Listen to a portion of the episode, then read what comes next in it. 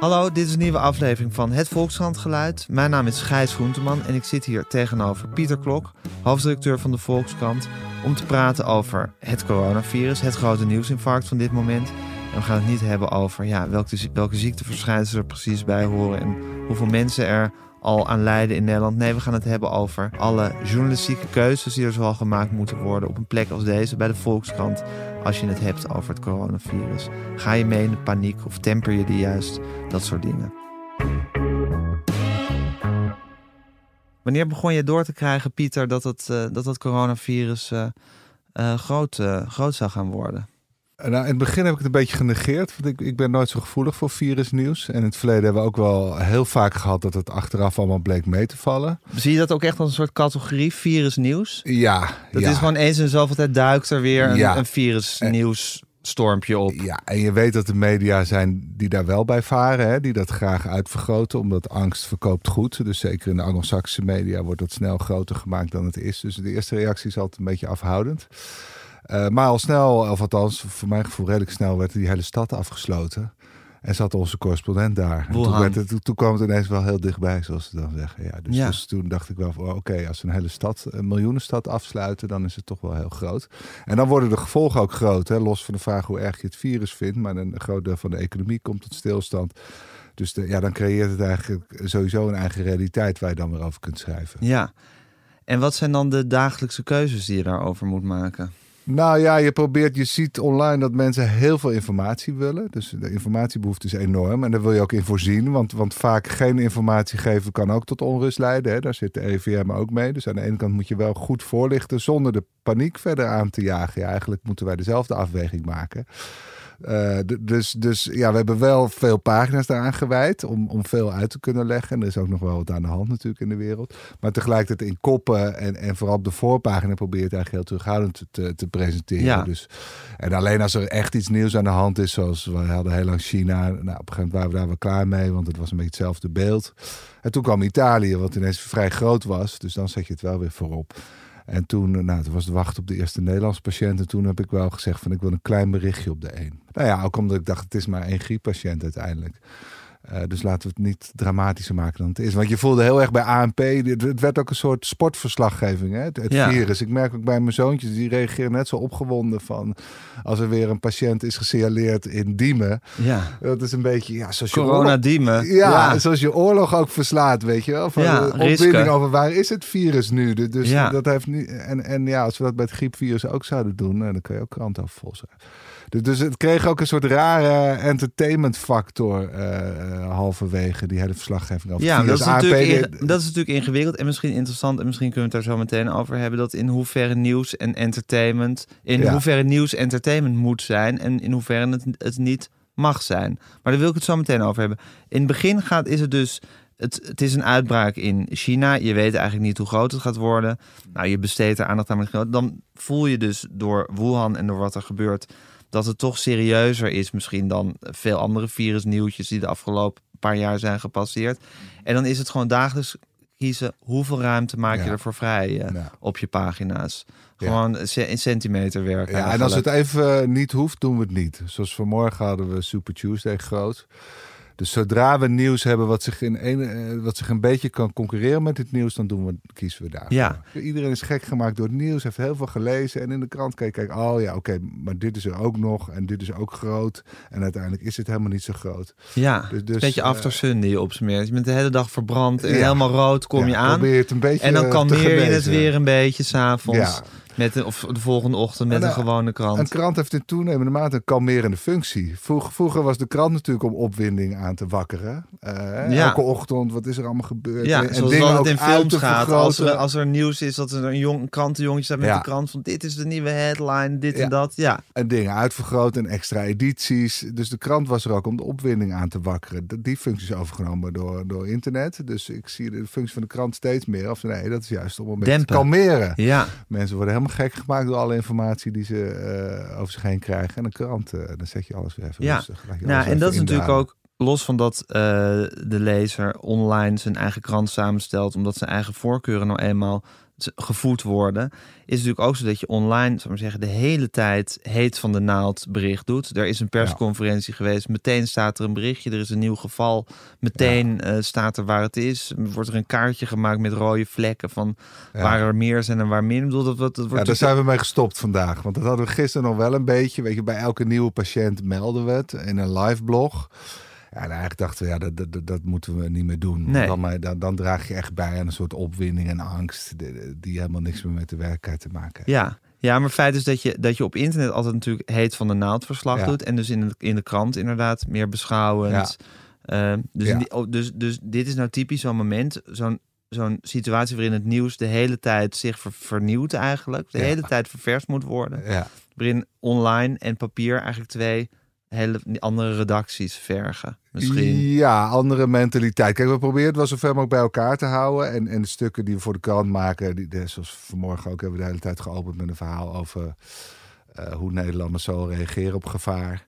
Dus je probeert wel degelijk ook de stukken die in de krant staan online uit te venten. Dus je probeert niet twee zielen uit te stralen. Nee. Uh, alleen omdat je met liveblogs werkt en met updates en en vaak het nieuws meldt zonder dat je er al te lang over hebt na kunnen denken, krijg je wel. Nee, natuurlijk. Het is allebei sferen. Volkskrant, dus het moet allebei Volkskrant gekleurd zijn. Ja. Zo je voor, zover, voor zover je daarvan kan Ja. spreken. Maar het zijn twee andere, Ja. echt twee andere Sferen. media dan. Ja, ja. bij online is toch meer opwinding. Ja. Maar ook daar proberen we natuurlijk wel het af en toe ook een beetje af te remmen. Zoals vandaag hebben we heel veel stukken over vrij saaie onderwerpen. Ook om even de opwinding weer... eh, Jongens, vandaag, vandaag was de op, vanochtend was de opdracht bij de grote vergadering zoveel saaie mogelijk- onderwerpen. Zoveel mogelijk afkorting in de koppen, CPB. En, eh, Oh, dat is altijd, dat is altijd slecht. ja, dat zijn dat- klikkillers. Dat zijn meestal wel eh, killers, ja. Ja? CPB dubbele punt. Of serre dubbele punt. Of, Ja. ja. Dat, daar kli- dat klikt niemand aan. Nee. Nee, tegenovergestelde van clickbait. Ja.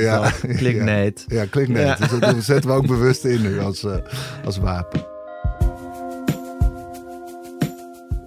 Dit is natuurlijk typisch een nieuwsfeit waarin iedereen de hele tijd ook als een soort bezwering tegen elkaar zegt van ik vind het paniek over niks, ik vind het paniek over niks. En tegelijkertijd zal iedereen toch ook diep van binnen een soort onrust voelen, voelen, voelen broeien van oh god, als ik maar niet, Ja. als mijn kind maar niet, als mijn oma Ja. maar niet enzovoort. Ik bedoel, dat is, bij, dat, is, dat is gewoon een menselijke reactie om daar Ja. toch ook zorgen over te hebben. Ja. Is het de taak van een krant om gerust te stellen? Of moet je ook gewoon Nou, ja, je, ook een uitlaatklep zijn? je moet in de eerste plaats goed informeren. Dus, dus hoe groot is het gevaar voor jou? Dan moet je toch uitleggen. En dan kun jij zeggen, oké, die kans is zo groot. De kans dat ik een baksteen op mijn hoofd krijg is nog altijd groter. Dus je moet, je moet het wel rustig uitleggen met een rustig toon. Die, die plicht heb je.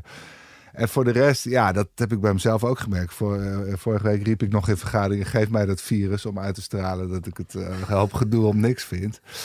Uh, en ik heb ook in mijn weekbericht afgelopen zaterdag geschreven dat ik denk dat, dat, de angst meer schade aanricht dan het virus zelf. En dat hebben we natuurlijk ook zaterdag op de krant, op de voorpagina van de krant gezegd. angst lijkt grotere bedreiging dan het virus zelf. Dus je probeert angst wel te bezweren. Ja, ik vind angst gewoon niet zo'n hele gezonde emotie. En niet een emotie die tot gezonde reflexen uh, leidt. Dus je probeert, ja, ik vind wel dat je als medium een, een taak hebt om, om angst te adresseren. En, en door goede uitleg te In ieder geval het medium waar jij leiding aan geeft. Ja. Er zijn natuurlijk andere media die juist leven op angst. Nou, angst verkoopt wel. Angst hè? verkoopt Ons, onze wel, marketeers precies. zeggen ook wel eens, eh, altijd als een slogan voor de krant zoeken, gaan ze het liefst op angst zitten. Want eh, fear of missing out, of, of Ja. de angst dat je niet bij bent. Zij zeggen, ja, zo moet je Ja, kranten verkopen. of de wereld staat in brand, lees de Volkskrant Ja. of zo. Dat willen Ja. zij dan als, ja. eh, als Wil je slogan. niet doodgaan aan het virus, lees dan de Ja, Volkskrant. precies. Ja, dus, het, maar ik, ja, nee, ik probeer me wel tegen te verzetten. Die verleiding is, wel, is er wel, maar dat, ja, ik, nee, ik vind, heb je een soort maatschappelijke plicht, ja. Ja, precies. Dat voel jij als Ja. Maatschappelijke plicht van deze krant... Ja, ook, om ja. angst niet per se te laten regeren. Nee, ook omdat je ziet dat heel veel andere media wel gewoon voor de makkelijke weg kiezen en, en eh, angst aanwakken. Denk ik dat we ons ook mee kunnen onderscheiden. Ja, uiteindelijk moeten we hier ook gewoon geld verdienen. Dus als het Ja. helemaal niet werkt, dan ga ik misschien. Nee, ja, ik geloof, je moet wel een journalistiek bedrijf waar je in gelooft. En ik geloof, ik, ik, ik denk dat angst in een samenleving een slechte emotie is die tot Ja. slechte reflexen leidt. Ja. En dan even het punt wat we net aanstipten, nieuws en entertainment. Ik vind dat zelf eigenlijk altijd best wel een lastig punt. Ja. Eh, als ik daarover nadenk, in hoeverre is nieuws nou eh, droge voorziening van informatie die je nou eenmaal nodig hebt om de wereld om je heen een beetje, beetje, beetje te weten wat er aan de hand is? En in hoeverre is het gewoon uiteindelijk vermaak? Uh, ja, nou ja, ik denk wel echt dat je een soort maatschappelijke opdracht hebt om te vertellen wat er allemaal in de wereld gebeurt. En te zorgen dat mensen uh, nou ja, dat ook meebeleven. Dat ze, dat ze met hun gedachten bij de vluchtelingen zijn als die weer massaal verdrinken in de Middellandse Zee. Dus je probeert wel empathie aan te wakkeren. En je probeert onderwerpen die wij belangrijk vinden op de agenda te krijgen. Uh, dus, de, dus als je maatschappelijke opdracht, maar al wil je dat mensen het ook echt lezen, eh, kom je er niet onderuit door gebruik te maken eh, van technieken uit de entertainment Maar je maakt dus... ook geen krant meer met een, eh, met een grote uh, driekwartspagina vol dichtbedrukte lettertjes en een klein zwart-wit fotootje in de rechterboven. Nee, dus het moet ook gelezen worden. En dan kijk je natuurlijk wel degelijk, daarom heb je ook die opkomst van de narratieve journalistiek, dat je techniek uit de, uh, ja, bijna uit de filmkunst soms gebruikt om je verhaal te vertellen. Het, de persoonlijke zoektocht. Ja, alles persoonlijk maken, maar ook andere dingen opdelen, zodat het makkelijk te behappen is. Dus je, je gebruikt wel allerlei techniek om te zorgen dat de mensen het ook echt lezen. Ja, en dan komt entertainment ook om de hoek zeilen. Ja. Dat, uh,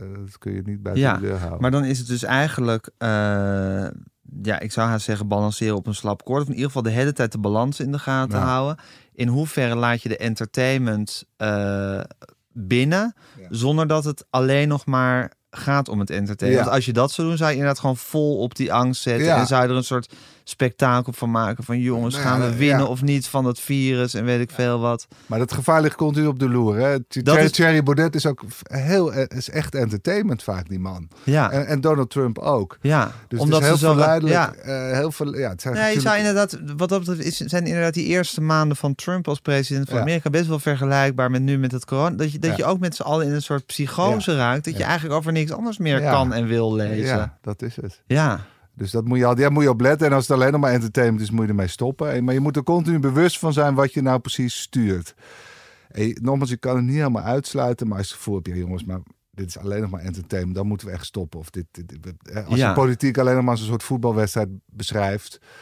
Wat natuurlijk ook wel zo continu op de loer ligt. Hè? Wie heeft gewonnen, wie heeft ja, verloren. Wat, wat is de tactiek? Wie wordt de nieuwe trainer? Ja, ja, uh, ja en dat, dat zie je natuurlijk vaak ook in actualiteitsprogramma's gebeuren. En dat, dat vind ik toch wel onbevredigend. En je moet wel, dat is een valkuil, dus dan moet je wel verhoeden. Ja. Maar nogmaals, zonder het helemaal buiten de deur te willen houden. Dat kan dat, ook dan niet. maak je een onleesbare krant. Nee, maar dat is eigenlijk misschien wel op dagelijkse basis uh, de afweging die alle hoofddirecteuren en uh, chefs en weet ik veel ja. wat moeten maken. Hoe, wel, welke koers vaar je daarin? Ja. En dat bepaalt ook de kleur van een krant, of de, de toon en de stijl, of de ja. identiteit van een krant. Welke keuzes daarin gemaakt worden? Ja, en kwaliteitsmedia die hebben gewoon de heilige plicht. Die kunnen niet alleen maar curiositeiten melden, bijvoorbeeld. Die moeten altijd uitleggen waarom die curiositeit voor iets groters staat. Dus je hebt, je hebt veel meer de plicht om uit te leggen dan, dan wat populairdere media. Die kunnen gewoon zeggen: het is gewoon entertaining, of het is gewoon. Mensen willen dit gewoon lezen. Ja. Uh, en als die, die willen ook gewoon lezen over Dre en Bridget. Dus als die erover lezen, Ja. ga je erover schrijven. Dat Ja. kunnen wij niet doen. Want, want probeer daar maar eens de maatschappelijke relevantie van te beschrijven. Die is er niet. Of althans, misschien via een hele ingewikkelde omweg kun je Ja. nog bedenken. Hey, en de krant die denk ik het meest voor de entertainment gaat in Nederland zal de Telegraaf zijn. Of die, daar, die het meest daar vol op inzet. Ja, Vind online is, is- en AD ook een eind op weg, denk ik. Maar goed. Online is het... AD online is een, is, is- heeft een andere kleur dan AD Ik heb het gevoel wel dat entertainment daar een grote rol speelt. Ja. En vind je dat bij die kranten of bij die AD online totaal buiten de perk? Of is het eigenlijk allemaal nog redelijk in het beschaafde hier in Nederland? Eh, Vraag je even met als nou, een helikopter Als je naar de Daily Mail kijkt, die gaan een stuk verder. Er zijn wel anglo-saxische media die echt die veel verder gaan. Ja. En Gewoon eh, met foto's publiceren en zo. Ik vind ons wel vrij, vrij nette... eh, nette journalistiek- kant ja, zitten we. we hebben vrij nette journalistiek Ja. in Nederland. Ja. Ja. Gebeuren, nee, we zijn niet heel... eh, we doen geen heel gekke dingen. Nee. Ja, bij Patricia Pai, maar, maar dat is niet voor niks dat we dat onthouden. Dat, af en toe gaan ze de, alle grenzen over. Maar Dat- meestal blijven ze er wel. Ja, binnen. precies. Dus het zou niet meteen jouw voorkeur zijn om er te werken. Maar het is ook weer niet zo dat je, dat je er met heel veel... eh, Nee, ja, het is altijd, eh, ik zeg altijd, journalistiek, eh, is, een krant maken is ook koken. En eh, ja, bij, bij ons krijg je meer aardappels en groenten krijg je er ook bij. En, en ja, bij populaire kranten krijg je heel veel Ja. friet met mayonaise. Ja. Wat soms heel erg lekker is. Ja. Maar, maar als je er te veel van eet, ja, dan blijf je toch een beetje met... De, met een onbevredigd gevoel en een hartkwaal Een achter. beetje misselijk. Ja, een beetje misselijk. vroeg dood. Ja. Nu was op mijn eigen tijdlijn in, eh, op Twitter... uh, over, over barometer uh, van, van, van de paniek uh, gesproken. was de Volkskrant ook nog onderwerp, omdat volgens mij Maarten Keulemans een artikel mhm. had geschreven over het coronavirus. En die had, ik neem aan dat het enigszins ironisch bedoeld was. Uh, ik ga er niet over of het gepast is. Of ik, zal, ik, zal, ik zal er geen waarde over, over geven. Maar, maar die had geschreven dat het coronavirus uiteindelijk vooral uh, oudere mensen treft. En mensen die met een wat zwakker gestel. En dat dat toch een geluk bij een ongeluk is van het virus. Ja. Uh, op Twitter was men daar, tenminste, ik weet niet of iedereen daar woedend over was. Maar ik heb er heel veel woedende reacties over gelezen. Ja. Wat, wat, wat vind jij daarvan? Nou ja, als god, als, als heel veel mensen het uh, verkeerd lezen, dan heb je het niet goed uitgedrukt. Kijk, eh, Maarten Keulemans is een wetenschapsredacteur. Dus die beschrijft dat virus in wetenschappelijke termen. En hij bedoelde te zeggen van uh, het feit dat alleen uh, mensen met een zwakker gestel je slachtoffer van zijn, betekent dat dat virus relatief niet zo sterk is want als ook jonge, sterke mensen de slachtoffer van worden, dan hebben we te maken met een heel sterk virus. Het is geen ebola. En, dat zou pas echt slecht nieuws zijn. Ja. Maar ja, zoals het er nu staat, en zeker wat op Twitter gebeurt als mensen dat een beetje uit hun context halen. En ja, apart die, gaan die, die screenshotten, dat ene alineaatje. Ja, dan krijg je. En dan staat er eigenlijk dat het een geluk bij een ongeluk is dat er, dat er zwakke mensen uit de weg worden gegaan. En dat was natuurlijk niet wat hij bedoelde. Maar uh, ja, als het zo begrepen wordt, dan heeft hij dat niet goed geformuleerd. Maar het is, het is vaker bij, bij mensen die met een wetenschappelijke bril naar de werkelijkheid kijken. Ja, die, die verliezen er misschien nog wel eens uit het oog de maatschappelijke gevoeligheden. Ja, uh, zoals chirurgen een menselijk lichaam ook zien als een auto die ze moeten repareren. En niet per se als een bezield stuk Precies. mens. Dus, ja. Maar goed, dus, dus ik, maar ja, nou ja, ik denk je moet ook wel, je kunt ook je best doen om misschien te begrijpen wat hij wel heeft bedoeld. En, ja. en die, bereid, die bereidheid lijkt wel steeds meer af te nemen. Dat mensen echt serieus denken dat hij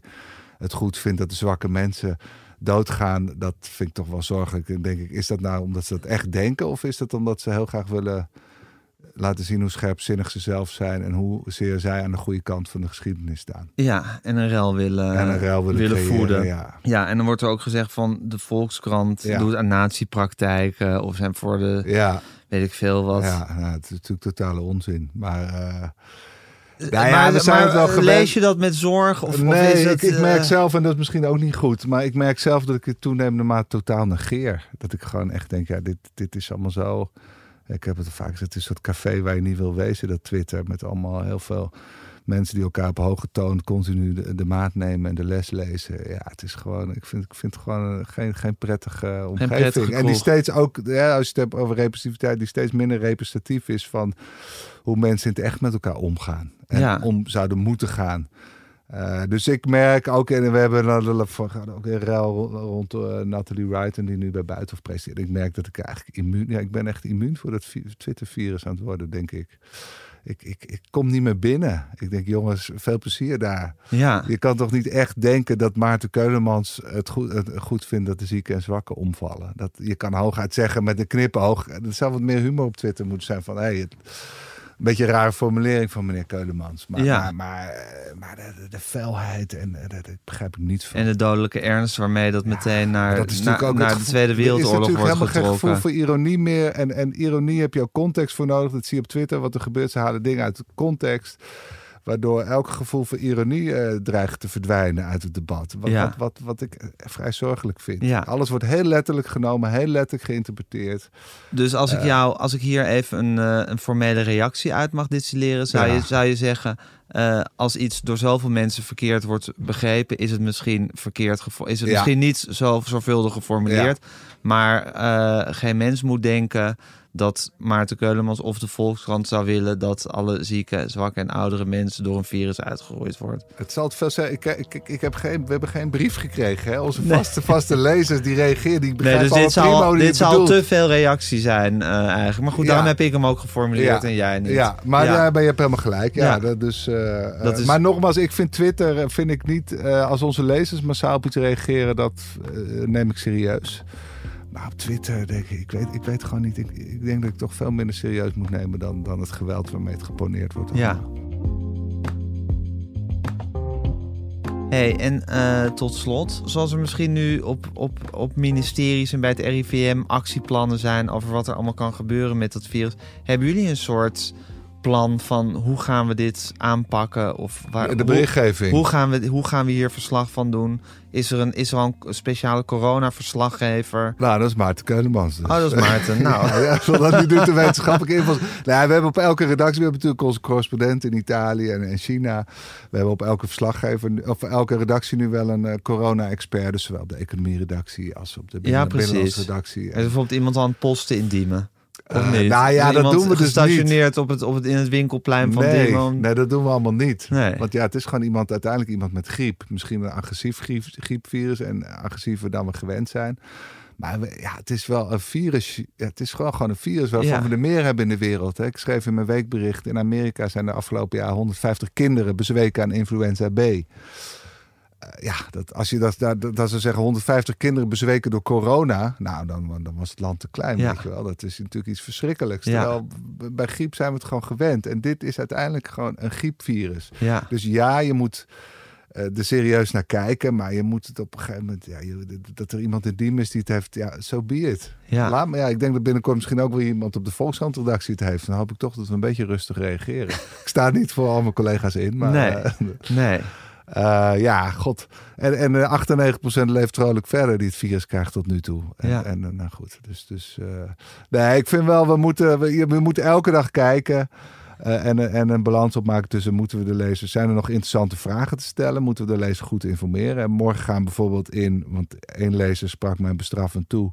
Die zei van ja, jij hebt makkelijk praten, maar eh, mijn immuunsysteem ligt plat door medicijnen. En ik ben wel als de dood voor het virus. En toen dacht ik, oh ja, oké. Dus nou ja, dan denken we, oké, dat is een goede invalshoek. Welke mensen in Nederland zijn het meest kwetsbaar? En, en, en van hen is natuurlijk volstrekt te begrijpen dat ze bang zijn. Ja. Eh, dus, dus je moet er ook weer onderscheid in maken. Dus Alles nee, in- niet iedereen hoeft bang te zijn, maar er is een groep in Nederland voor wie het wel echt heel Ja. vervelend is, jongens. Dus Alles in perspectief. alles, ja. En, en de nuances blijven aanbrengen. Ja, god, ja. dat- In de totale alarmfase. eh, Rustig in koppen, zakelijk. Bij grote gebeurtenissen die al heel veel opwinding veroorzaken, moet je altijd een heel zakelijke, feitelijke toon kiezen. En, en als het juist onderwerpen die, die vrij saai zijn en, en waar niemand mee bezig is, daar moet je, mag je wel wat overdrijven. Dat is een beetje wat je altijd doet. belangrijke lessen eh, in de journalistiek. Ons geleerd door hoop Pieter het. Klok. Ik geef je een box. Ik geef je een box. Ja, Dankjewel. jij ook bedankt. Dit was het Volkskrant geluid met Pieter Klok, hoofdredacteur van de Volkskrant. Mijn naam is Gijs Groenteman. Ik maakte deze podcast samen met Rinky Bartels. U kunt zich abonneren via alle eh, geëigende podcastkanalen. U kunt ons een mail sturen, podcasts.volkskrant.nl. En u kunt ons lekker veel sterretjes geven.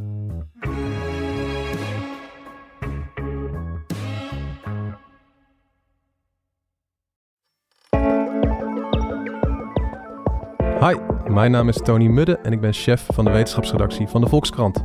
Binnenkort te beluisteren via al je favoriete podcastplatforms Ondertussen in de Kosmos. In Ondertussen in de Kosmos praat ik met mijn wetenschapsredacteuren of wetenschappers. En bekijken we iedere aflevering iets dat zich afspeelt in onze kosmos door een wetenschappelijke bril. Gaan we bijvoorbeeld Star Trek achterna met onze ruimtereizen? Je moet toch zo'n dik mogelijke vuurpijl bouwen die zo, eh, zo snel mogelijk van de aarde afvliegt.